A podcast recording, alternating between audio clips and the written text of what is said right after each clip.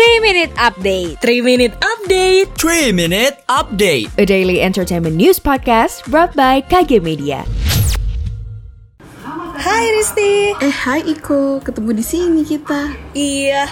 Duh, nggak bawa earphone lagi. Sini sini, ikutan dengerin pakai earphone gue aja. Kita dengerin podcast Hanya Menjiwa sama Henry Menampiring, penulis buku dari Filosofi Teras. Wah ini lagi bahas apa? Ini, gue lagi dengerin episode yang ngebahas cara mengendalikan representasi. Nah, itu istilah overthinking gue sih kurang suka ya. Thinking itu bagus gitu. Sebenarnya nggak ada yang over, yang tapi thinkingnya lurus atau enggak. Oke, sip, Iya kan?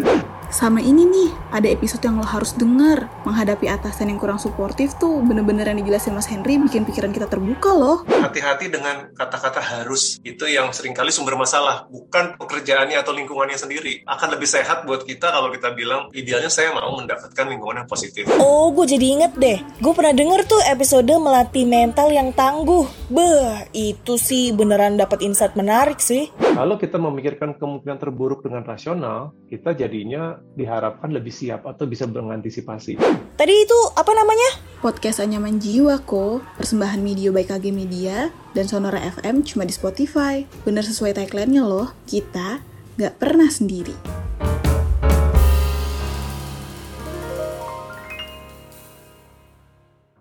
Sobat Medio, ada kabar nih dari Kompas.com. Penyanyi asal Indonesia, Niki, ungkap rasa syukur, bahagia, dan gugupnya bisa tampil di Coachella Festival 2022. Menanggapi penampilannya di festival itu yang terlihat menakjubkan, Niki mengaku sebenarnya merasa gugup dan masih sulit mempercayainya. Niki sempat bercerita kepada penonton bahwa ini pengalaman pertamanya tampil di Coachella dan berharap bisa memberikan kenangan terbaik untuk mereka.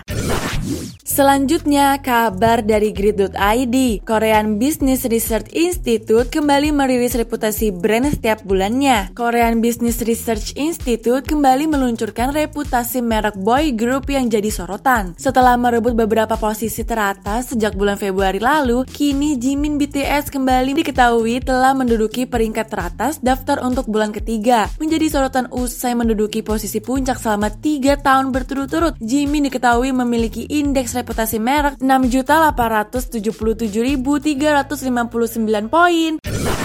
Terakhir nih, info dari high.grid.id.